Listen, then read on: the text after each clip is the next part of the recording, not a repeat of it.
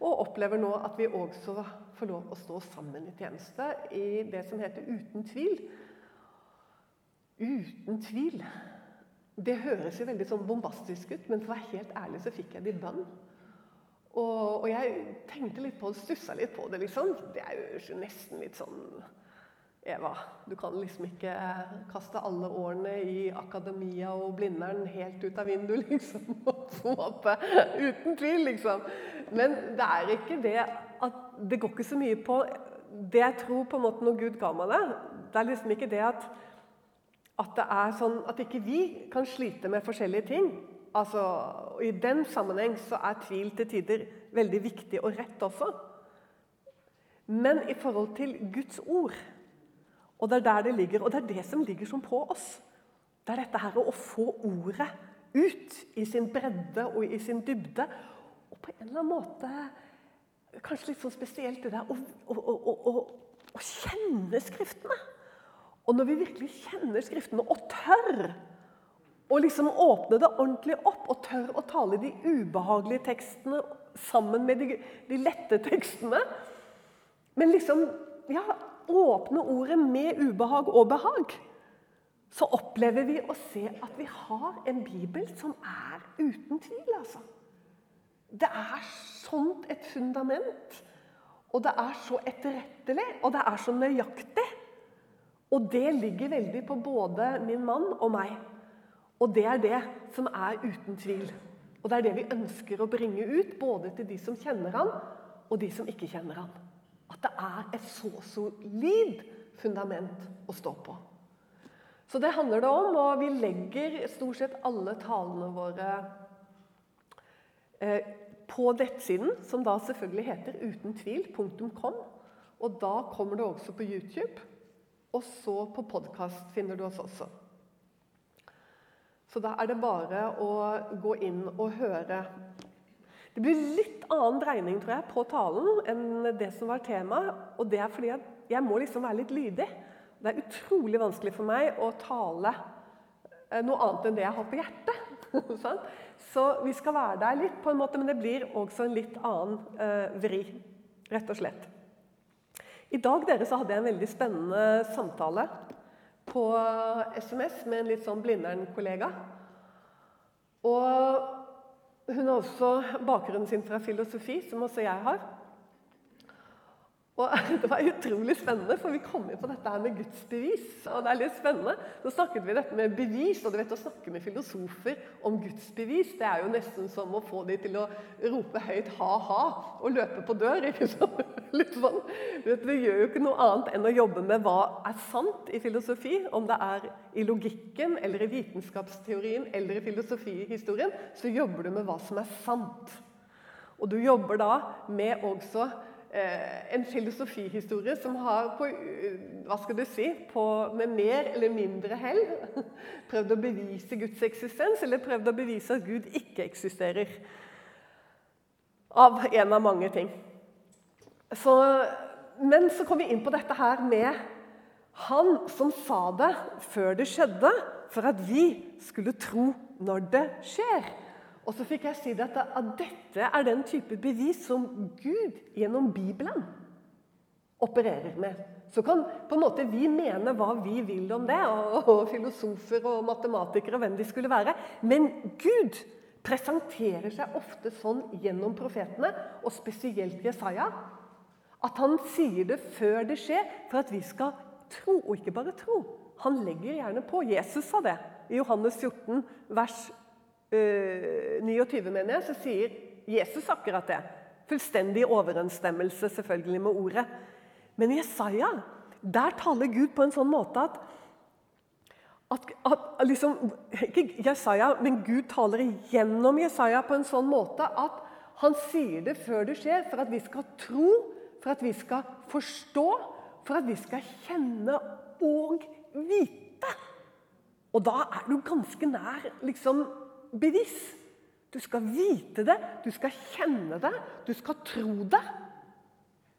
Fordi når han gjør det, det er da. Fordi han sier det før det skjer. Gjerne 1000 år. Og gjerne mer. Gjerne mindre. Men det har ingen betydning om det har gått 1000 eller 500 år eller 10 år. Det som betyr noe, er at når han har sagt det, så må det skje. Fordi han talte, og det skjedde, og han bød, og det sto der. Dette er profetordets essens.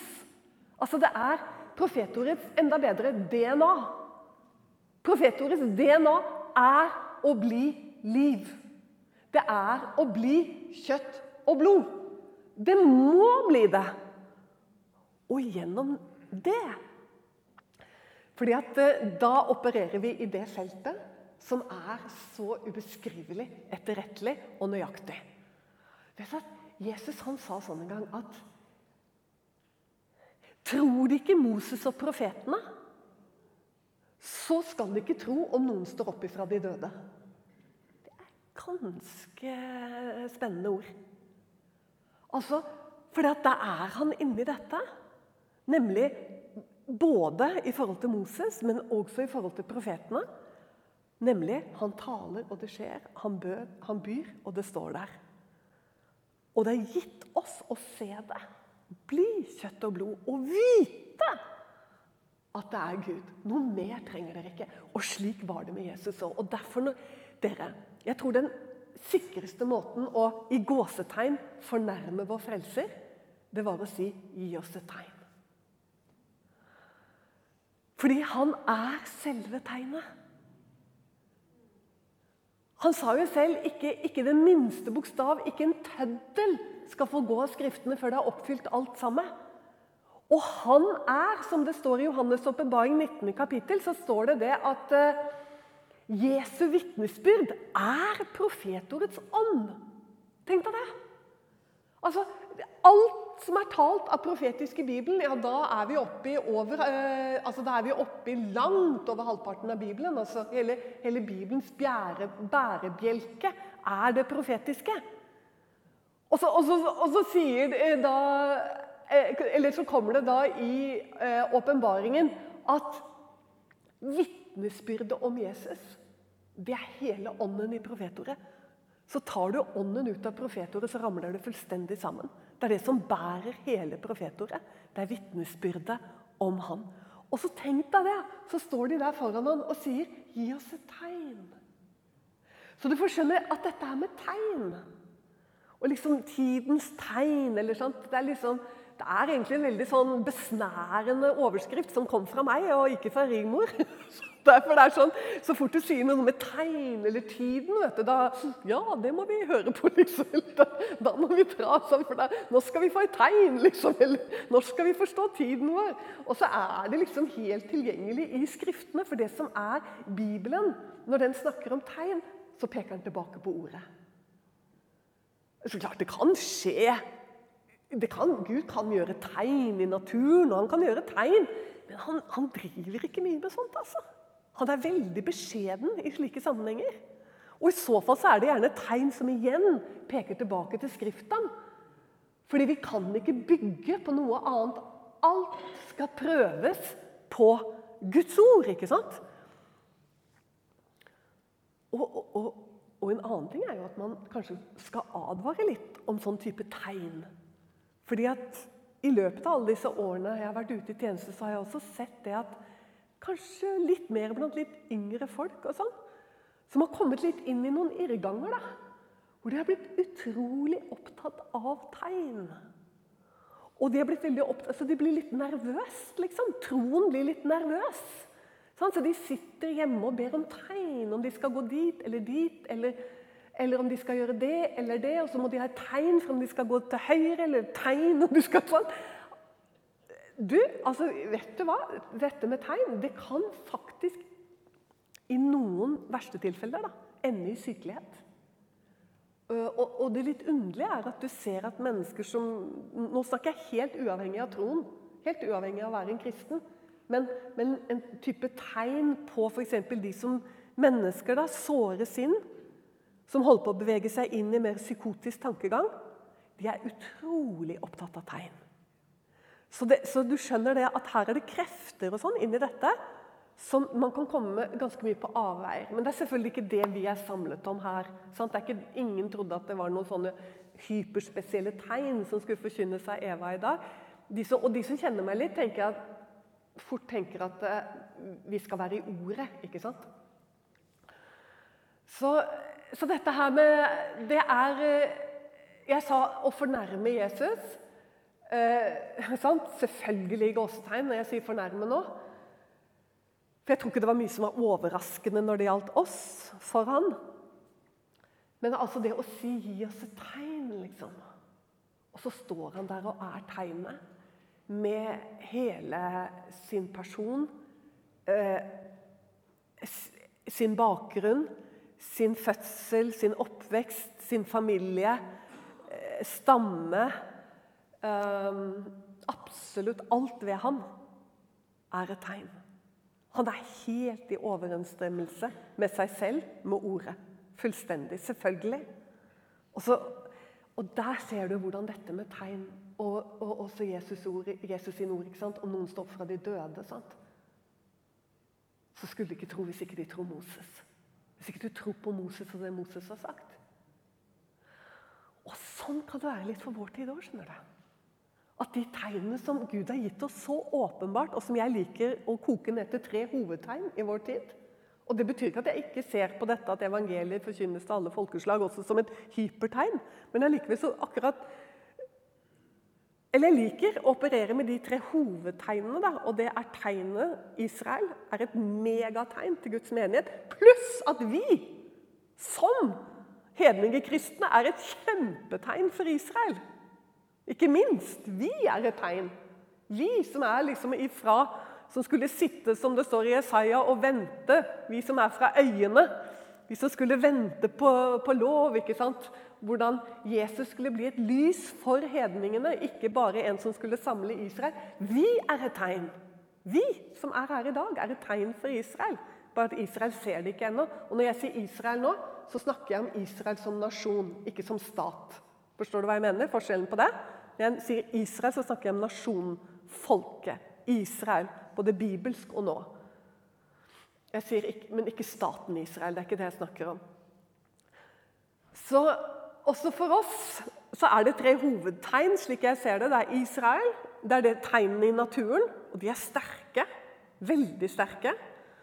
Og Da må ikke vi komme inn i alle mulige irrganger der hvor vi begynner å diskutere uvesentligheter. For dette er et, dette er et veldig tegn i Skriften som også kan brukes ut mot folk som er redde og som er engstelige, og mye mer redde og engstelige enn kristne. For vi ser på dette litt sånn ja. Ok, Israel, tegnene i naturen, og lovløsheten. Det som skjer med mennesket, både der ute og her inne. for å si det sånn. Et voldsomt sånn press av lovløshet som kommer til å tilta eh, med en hastighet som jeg gruer meg litt til å tenke for mye på. Men Israel er et av disse tegnene. Jeg har en tale, eller Vi har en tale på, som du finner på nettsida vår og på YouTube som heter 'Et tegn som blir motsagt'.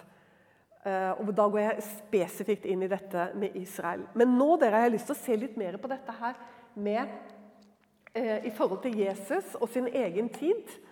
Og i forhold til det som kommer. Og Da har jeg lyst til å begynne Johannes-evangeliet, i det femte kapitlet. Og så har jeg lyst til, som jeg sa at jeg hadde fått på hjertet i dag og Det er fra 43. Eh, verset, som kom litt sånn på sølvfat i dag morges når jeg satte meg ned. Eh, og jobbet videre med budskapet i dag. Og fra 43. verset så står det Og nå er han jo igjen ikke sant, litt sånn her i ah, Disse her tenker jeg litt sånn utmattende samtalene han må ha hatt med fariseerne og de skriftlærde. Som, og de, var jo veldig på dette her, vet du, at gi oss et tegn. og sånn, fordi De vil ikke, på en måte. sant? Eh, fordi tro handler også om å ha andre agendaer på en måte i sitt hjerte. Så sier han Jeg har nesten lyst til å begynne litt før. jeg. 38. verset.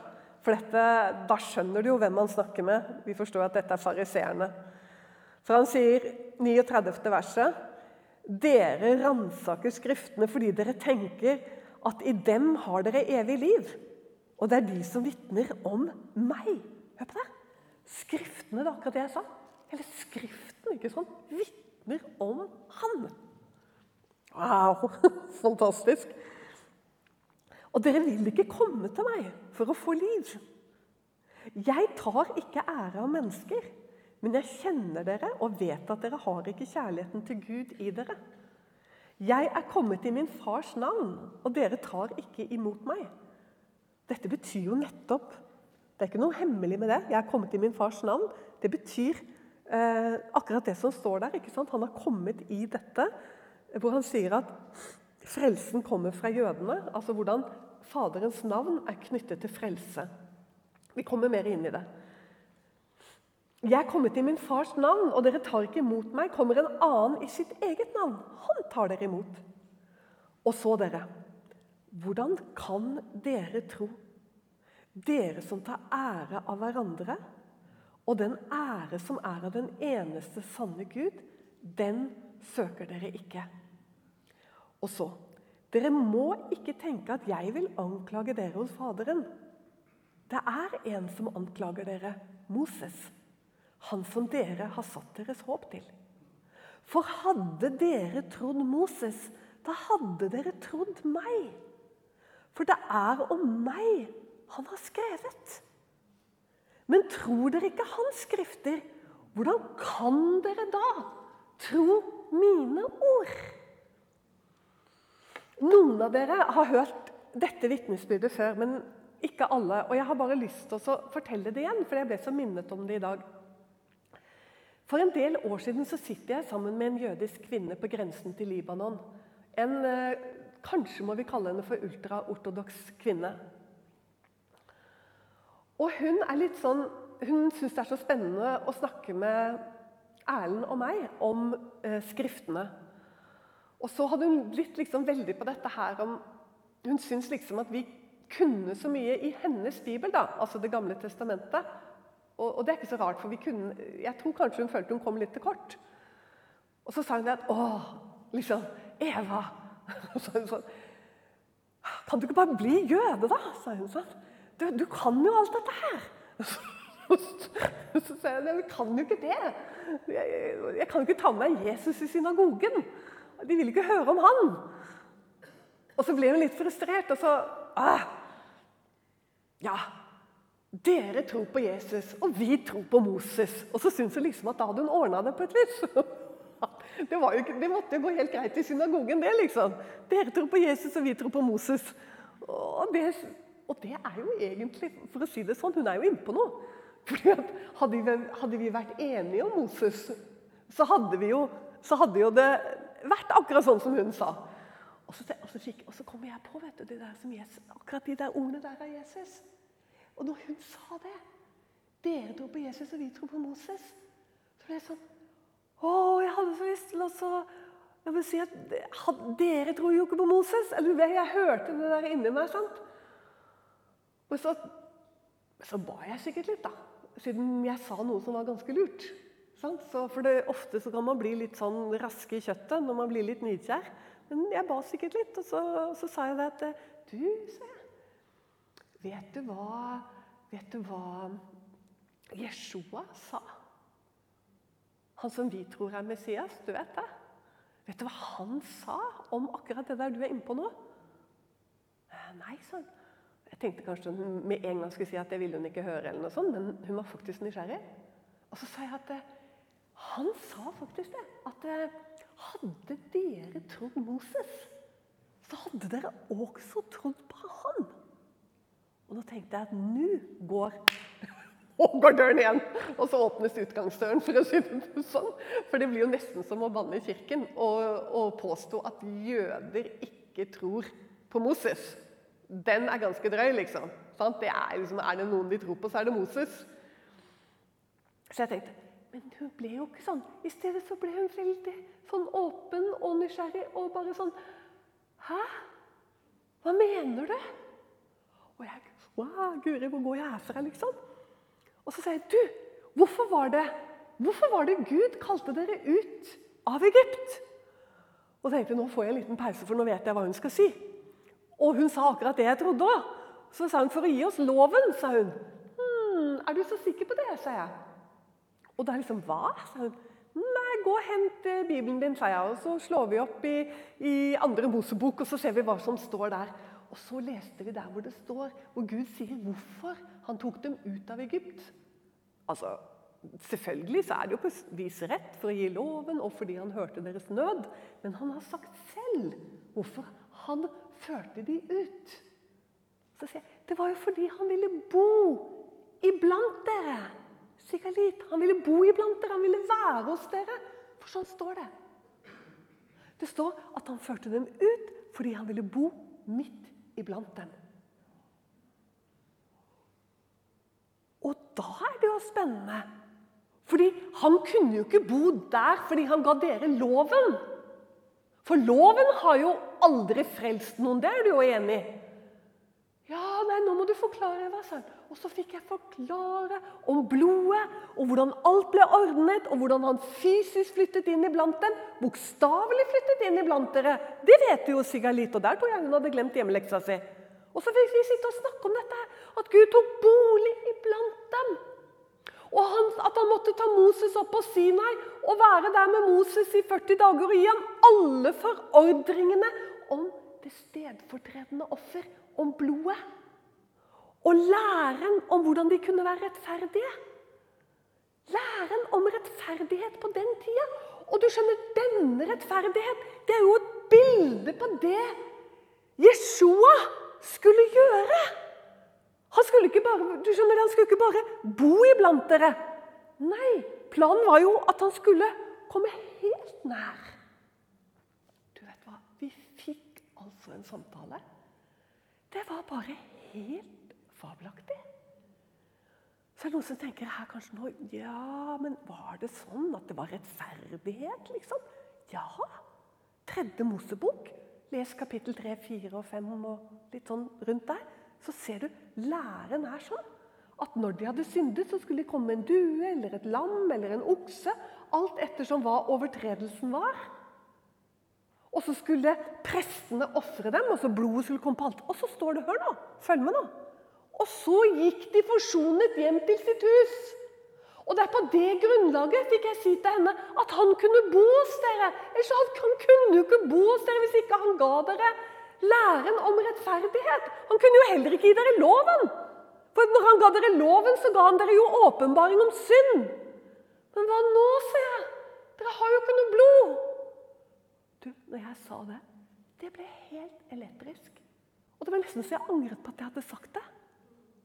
Og hun liksom Hæ? Så sier jeg, Sigrid, det er det som er så fantastisk. Og det er her, for Du vet at i tabernaklet så kom Gud det er jo ikke bare sånn det sto at jeg skal bo iblant dere, men ingen skal merke det, og ingen skal se det. liksom. Sigrid, du må jo lese hva som står her. Han bodde der helt fysisk. Altså, Han kom som en sky og lå over tabernakelet. Gjennom 40 år i ørkenen så lå han som en sky over tabernakelet. Og dere, sa jeg, dere, dere, dere brøt ikke opp og, og, gikk noe sted i ørkenen.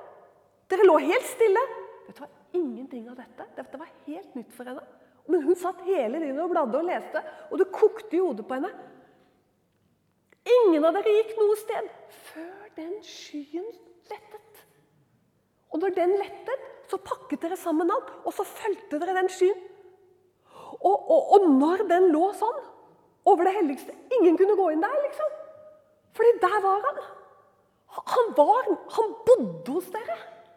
Man kan bare bo på blodets grunn. Wow, for en samtale! Og så fikk Og da, vet du Det var akkurat som jeg kjente hennes tørst. Hennes lengsel etter Den hellige ånd. For at jeg eller Jeg husker ikke om det var Erlend eller meg som begynte å fortelle sant, hvordan vi fikk ta imot ham, dette blodet.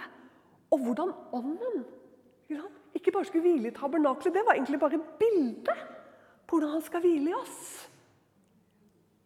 Og når vi snakket om dette, det var så jeg så den tørsten inni henne. Og hvor stor den tørsten var. Og akkurat da så gikk det i døren, og nøkkelen ble vridd om. Og så kom mannen hennes hjem, og du vet, da skvatt hun skikkelig.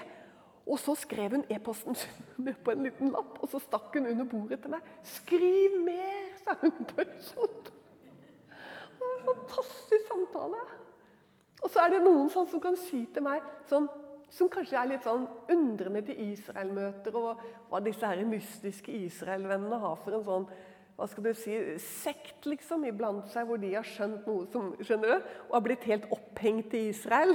det er en del sånne bekymrede kristne som er litt lurer liksom, på om man har blitt litt forført og ubalansert, liksom, fordi man er så opptatt av Israel. Og, ja, for, for jøder må jo bli frelst! noen av de da, som kommer til meg jøder må jo bli frelst. Akkurat som jeg ikke skulle mene det. Er det noen som håper, håper si må bli frelst, så er det de. Hvorfor det? Jo, for det er for jøde først, og så for greker. Du vet at Paulus hvis det er Paulus som har skrevet hebreerbrevet Det kan jo godt være Peter. for den saks skyld. Vi vet ikke hvem som har skrevet hebreerbrevet. Men i det tredje kapittel så sier forfatteren der noe veldig interessant. For han sier det at denne, altså Jesus, er så mye større Han snakker jo til hebreere, til jøder. Er så mye større og så mye mer ære verd. Hebreerne 3. Så mye mer ære verd. Så sier han liksom den som har bygget huset, har mye større ære enn selve huset. Og da er liksom Moses huset, og så er Jesus den. Så, og Det er derfor Jesus sier hadde dere trodd Moses, så hadde dere også trodd meg. For det er om meg han taler. Altså, Alt med Moses sin tjeneste, det pekte på Jesus. Og det er sant, Med blodet og læren om rettferdighet Dette var bare forbilder. Sant? Hele tabernaklet var bare forbilder på han som skulle gjøre. Komme med den evige rettferdighet. Sant? Som ikke bare dekker over synd, men som tar bort synd. Åh, så fantastisk. Og så liksom skulle noen komme sånn at Ja, de må jo bli frelst, liksom. Ja, Er det noen som har ment noe annet? Er det noen han er til, så er det jo til sitt eget folk. For det står jo også i Skriften sant, at de har et dekke når de leser Moses. Og jeg tenker at det dekket må jo nesten være laget av Gud. Er det mulig, liksom? Sånn tenker jeg, da. Er det mulig å ikke se Jesus? Når du leser de fem Mosebøkene, er det liksom sant? Men det, det er nok kanskje lagd av Gud, da, fordi at vi hedninger skal komme inn. Og du vet at Når det dekket ramler, og de som folk ser han, og de begynner å rope ikke sant? 'Velsignet være han!' ikke sant? Og de ser han, og de gråter over denne enbårne sønn. Sånn skal de jo oppleve han når de ser han som de har gjennomstunget. Sånn at eh, det med Moses er en kjempe det er en perle virkelig i Skriften. Og Jesaja 63, og det var dette jeg ville ta dere med til i dag. helt spesielt, Jesaja 63. For der skjønner du, kommer vi opp i vår egen tid. For der viser altså Jesaja Nei, Gud viser igjennom Jesaja hva som kommer til å skje når jødene blir frelst. Og det har alt med Moses å gjøre, og det er så utrolig fantastisk. La oss gå til Jesaja 63. Og Hvis ikke du har med deg Bibel, så er det helt greit, for noen ganger så er det ikke så lett å både sitte og bla i Bibel og følge forkynnelse. Men Jesaja 63 Så les hele kapittelet hjemme, kanskje før du legger deg i kveld, for da er det litt ferskt. Les hele kapittelet. Det er et veldig profet eller latterlig si det er et profetisk kapittel. Det er, en, det er en profet. Men altså, det er et mettet kapittel, da. Og Når du begynner å lese, så står det om han som kommer fra Bosra i røde klær. 'Hvorfor er dine klær så røde?' og sånn står det. Og Du kan fort tro du er fra, at det er Golgata vi er inne i, men det er ikke det. Det er når han kommer tilbake med hevn over synden. Altså vår frelser, Herre Jesus Kristus, når synden nå skal settes en strek for synden, og når vreden går over verden, og han skal forsvare sitt folk. Det er det som åpner Jesaja 63. Men fra det ellevte verset og der omkring så forstår vi nå at For det er ingen som hjelper han i dette her. Det, står, det er underlig at det står sånn. Jeg så meg omkring, og det var ingen som hjalp meg. og sånn og sånn. Kommer det i, denne, i dette kapitlet. Og Det er egentlig noe du finner hos flere av profetene i forbindelse med at han skal frelse folket sitt. Men så ser du at i denne trengselen så skjer det noe med hans folk. Og det uttrykkes veldig flott i, fra det ellevte verset. Da tenkte hans folk på de gamle dager, på Moses. Hvor er han som førte Jeg har lyst til å si oss, men det står dem. Men jeg sier oss bare for at vi skal liksom skjønne på en måte resten i dette. Hvor er han som førte oss opp av havet med sin jordshyrde? Hvor er han som ga sin hellige ånd midt iblant oss? Skjønner du? Jordens hyrde, det er Moses. Så det er jo ikke direkte Moses. De, spør ikke etter Moses. Nei, de spør ikke etter Moses, men de tenker på Moses. Fordi de tenker på den tid hvor han åpenbarte seg som frelser. Og dette her er underfull, virkelig så spennende ting. De sier, 'Hvor er han?' Som førte oss opp av havet med sin jordshyrde. Hvor er han som ga sin hellige ånd midt iblant oss? Hæ? Ga han Den hellige ånd midt iblant dem? Ja, det var jo det jeg sa. Han hvilte jo iblant dem som en sky. Det er dette de spør etter. Han som lot sin herlige arm gå fram ved Moses' høyre side, og som klevde vannene for vårt åsyn, for å gjøre seg et evig navn. Var det ikke det vi var innpå? Jeg kommer i min fars navn, altså i dette frelsernavnet. Meg tror dere ikke. For å gjøre seg et evig navn han så førte dem gjennom dypene som en hest gjennom ørkenen, så de ikke snublet. Liksom fe som går ned i dalen, førte Herrens ånd dem til hvile. Slik ledet du ditt folk for å gjøre deg et herlig navn. Sku ned fra himmelen og se, nå er de så trengt. De Israel, nasjonen, er så trengt, folket. Og de roper, sku ned fra himmelen og se, fra din hellige og herlige bolig. Hvor er din nidkjærhet, og hvor er ditt velde? Ditt hjertes medynk og din miskunnhet holder seg tilbake fra meg. Og så kommer det. Nå begynner det å komme revner, alvorlige revner, i dette dekket. For du er vår far. Abraham vet jo ikke om oss. Israel i betydningen Jakob. Her i betydningen Jakob.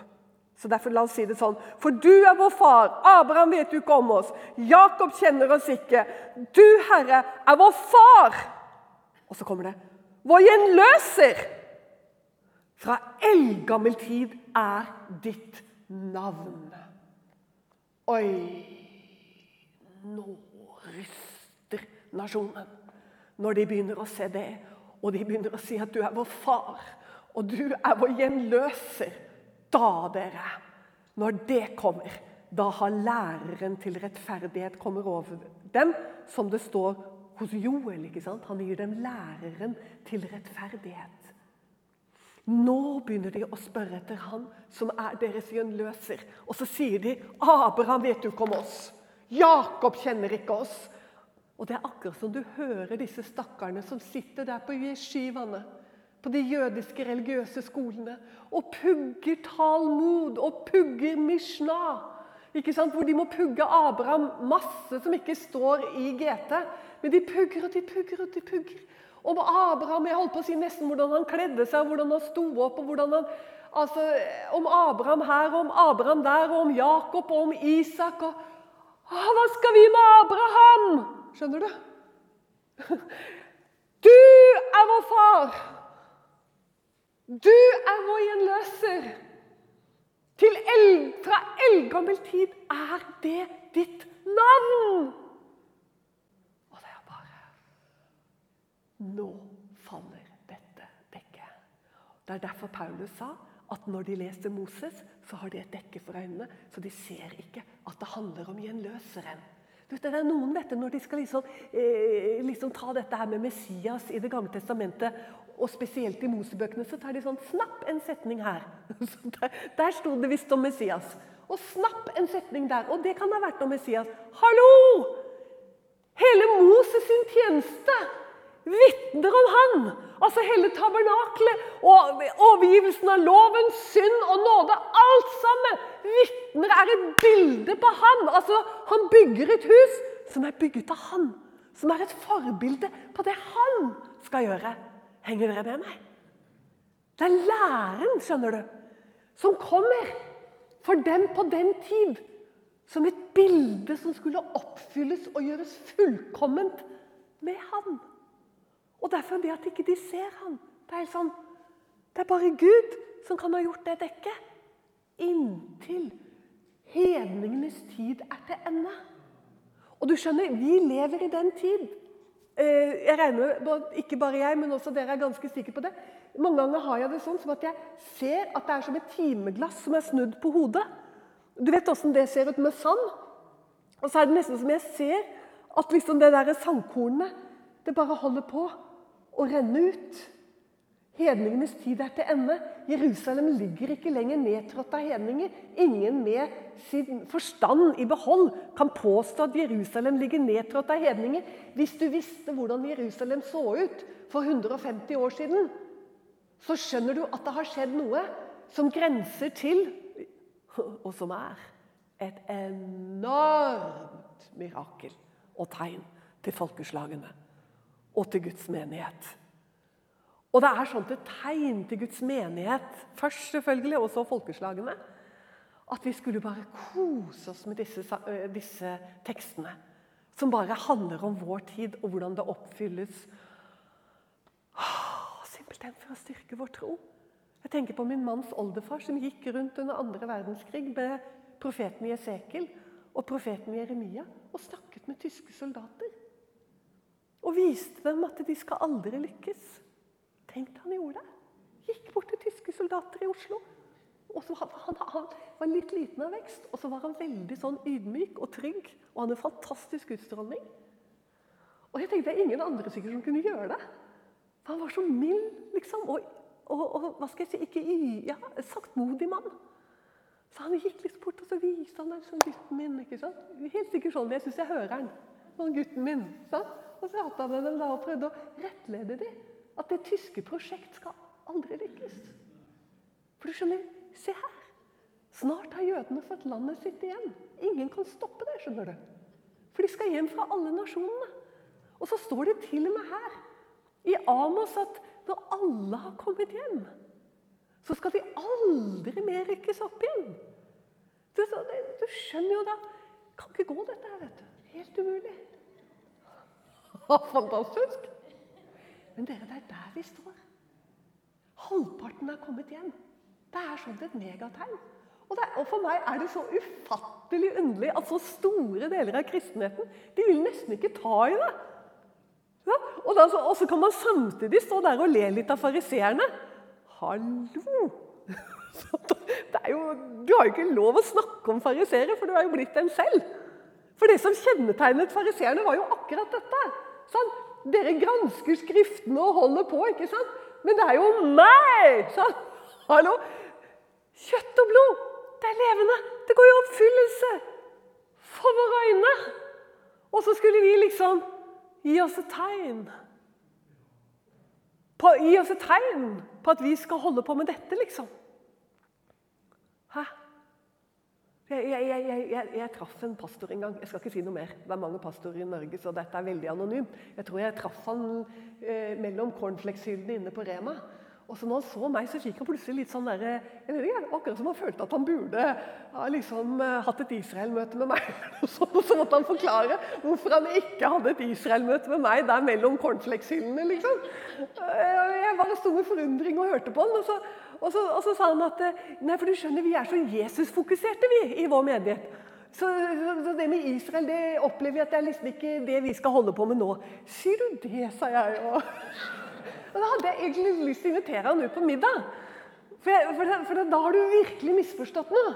Hvis du mener at du er Jesus-fokusert, og du ikke har med Israel Altså, Det er helt umulig, spør du meg. Fordi er det noe på en måte som handler om Jesus, og motsatt Israel Jeg blir like nervøs hvis jeg hører noen snakke i et helt møte om Israel og ikke nevne Jesus. Og det er kanskje der han har fått det fra. At han har vært på sånne møter hvor ikke Jesus ble nevnt. Jeg tror de er fryktelig sjeldne. altså. Men det kan jo ha skjedd at noe sånt noe foregår. Da hadde jeg blitt nervøs og stressa også. Det kan hende det er et sånt møte han har vært på. Fordi at, eh, er, du, er, du, er du Jesus-fokusert? Hallo, hva er du da?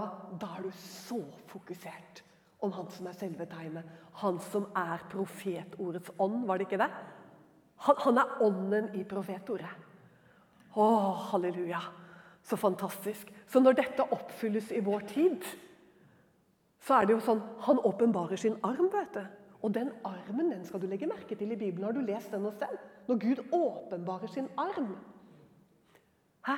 Vet du hva, den armen der må ikke du begynne å krangle med meg sånn åpenlyst her. altså, for jeg sier at Du må ikke se det med en gang, men her er det noe jeg har sett. da. Den armen der, det er, det er den handlende armen. Det er den armen Herren rekker ut.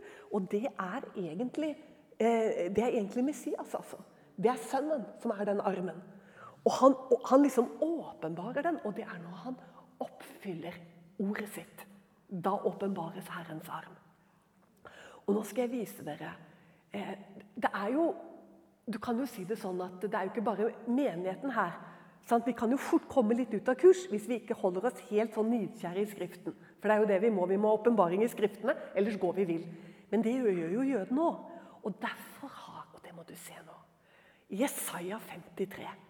Og det har du hørt om mange ganger. sant? Jesaja 53 det er den mest kjente Messias-profetien i Bibelen. Det er Jesaja 53. Men det er noe underlig med Jesaja 53. Er det noen som har tenkt over det? Hva er det som er så underlig med Jesaja 53?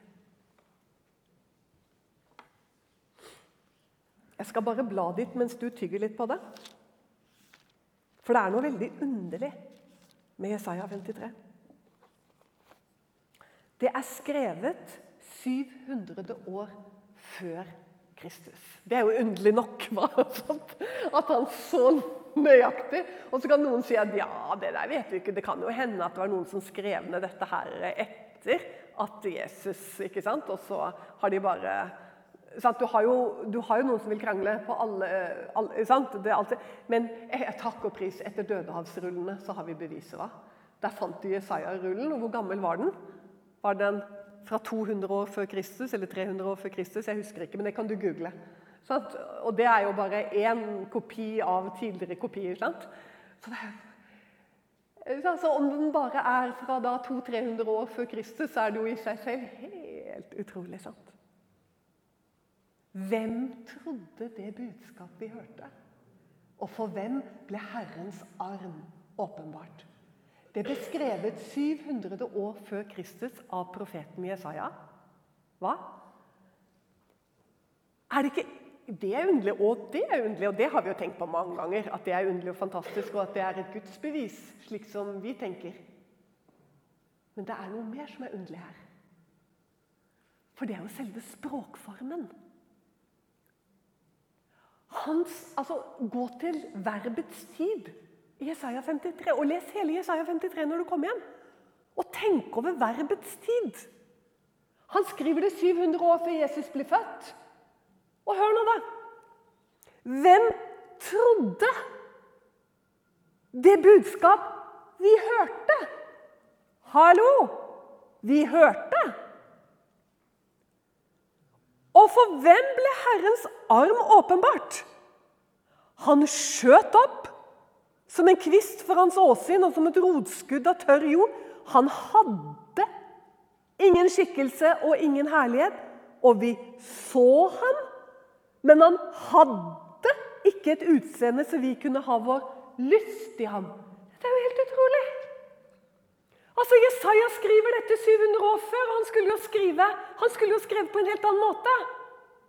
Hvem kommer til å tro det budskap dere vil få høre. For hvem vil Herrens arm bli åpenbart? For han vil skyte opp som et skudd av tørr jord. Hele Jesaja, kapittel 53, er skrevet i fortid. Er skrevet i fortid, hører du hva jeg sier? 700 år før han kom. Hvorfor det? Det skjer aldri sånn i profetordet på den måten. Det skal alltid 'jeg vil', 'jeg skal', sier Herren. 'Jeg vil gjøre sånn og sånn', 'jeg skal gjøre sånn og sånn'. Og så gjør han det. Og så blir det sånn. Og så skjer det sånn. Men her sier han 'Hvem trodde det budskapet vi hørte?' Han snakker om noe som, som om det skjedde i fortid. Tenk hvordan det er for jødene når dekket faller. Det er skrevet for dem, ja, for menigheten òg. Men det er skrevet for dem først og fremst. Dere som lurer på om jeg og andre Israel-venner mener at, at uh, evangeliet om Jesus Kristus også betyr at jøder skal bli frelst eller må bli frelst. Selvfølgelig! Det er for jøder først. Det er jo for jøder først. Hvem trodde det budskap vi hørte? Tenk for den var fantastisk det er når en jøde i dag blir frelst. Og så sitter han og blar i den profetiske boka si. Så kommer han til 53. Og så er han kanskje Eller la meg si det sånn. Han er litt i tvil. Han er alvorlig kalt. Alvorlig kalt. Og så leser han Så leser han Hvem trodde det budskapet vi hørte? Og for hvem ble Herrens arm åpenbart? Han skjøt opp som en kvist.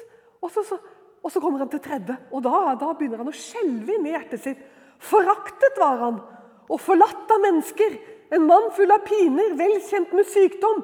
Han var som en som folk skjulte sitt åsyn for. Foraktet. Og hør nå, og nå får han hjertebank. Og vi aktet ham for intet. Hæ? Hæ? Vet du hva? Dette er en magisk bok. Dette er en fantastisk bok. Tenk hvordan det er for jøder å sitte og lese det. Er det noen de har foraktet, så er det Jesus. Jeg husker jeg satt sammen med noen som, skulle, som, som hadde akkurat vært ute på en liten sånn, hva skal du si, forsøkt å, å, å snakke med jøder i Jerusalem om Jesus, for de var kommet inn i en samtale. Og så hadde de begynt å snakke om Jesus til henne, og så hadde hun reist seg opp og så hadde hun sagt på tysk Der bedrager! Hun var tysk jøde i Jerusalem med tysk opphav. Å, så grusomt! Det var som å få en Hun følte følt hun hadde blitt liksom fika til på, på kinnet. Bedrager. Forstår du? De aktet ham for intet. Jeg hadde tidlig, jeg skal ikke si hvor nær hun var med, for da kan man finne ut hvem hun var, men hun var også en jødinne. Nydelig. Jeg elsket henne. over alt på jord. Og hun, hun, hva det hun sa til meg? Hun sa det samme. Hun kalte ham for løgner og sønn av hore. Forstår du? De aktet ham for intet. De var lært opp til å tro at han skulle de bare frakte, Han som er intet. Men han er velkjent med forakt. Og han elsket dem mens de enda var syndere. Og han skal åpenbare seg for dem. Og de skal se ham spesielt gjennomstukket. Og de skal gråte sårt over ham. Og jeg tror i samme nu så blir det litt som, som Abraham som skulle ofre Isak. Forstår du? Så ser de plutselig en vær som hang og så skjønner de at de fikk være prester for Gud. At, akkurat som Kaifa sa, det er bedre at én dør for folket enn at hele folket dør. Det måtte skje.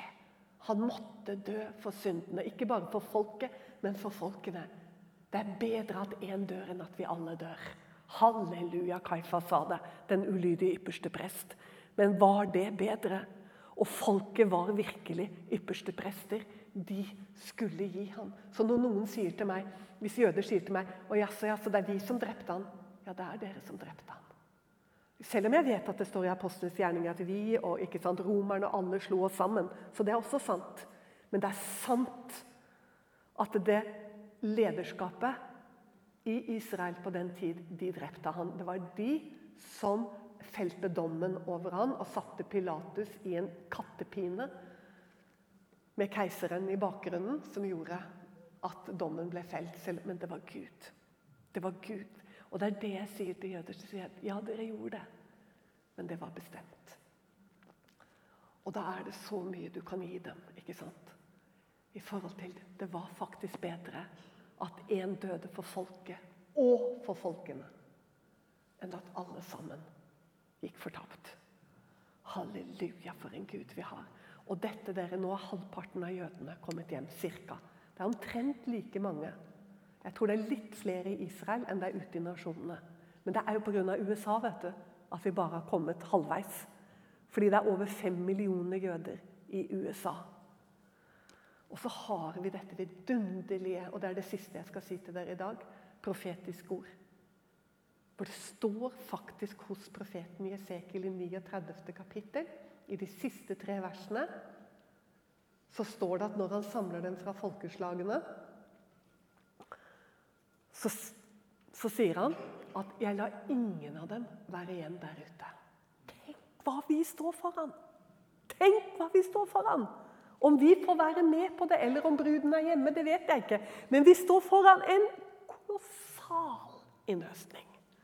Kolossal innhøstning. Og da forstår vi også at det må skje også ting. Så det er bare å spenne sikkerhetsbeltene, dere. For uansett hvor lenge vi blir med, så blir det tøffere, håper si det blir mørkere og lysere. Fordi Gud er så trofast. Når det blir mørkere, så blir dette lyset her enda lysere. Og Den hellige ånd, dere, som åpner Skriftene, og så skal la oss få lov til å vandre i Hans kraft i denne tid. Det er så spennende å tenke på.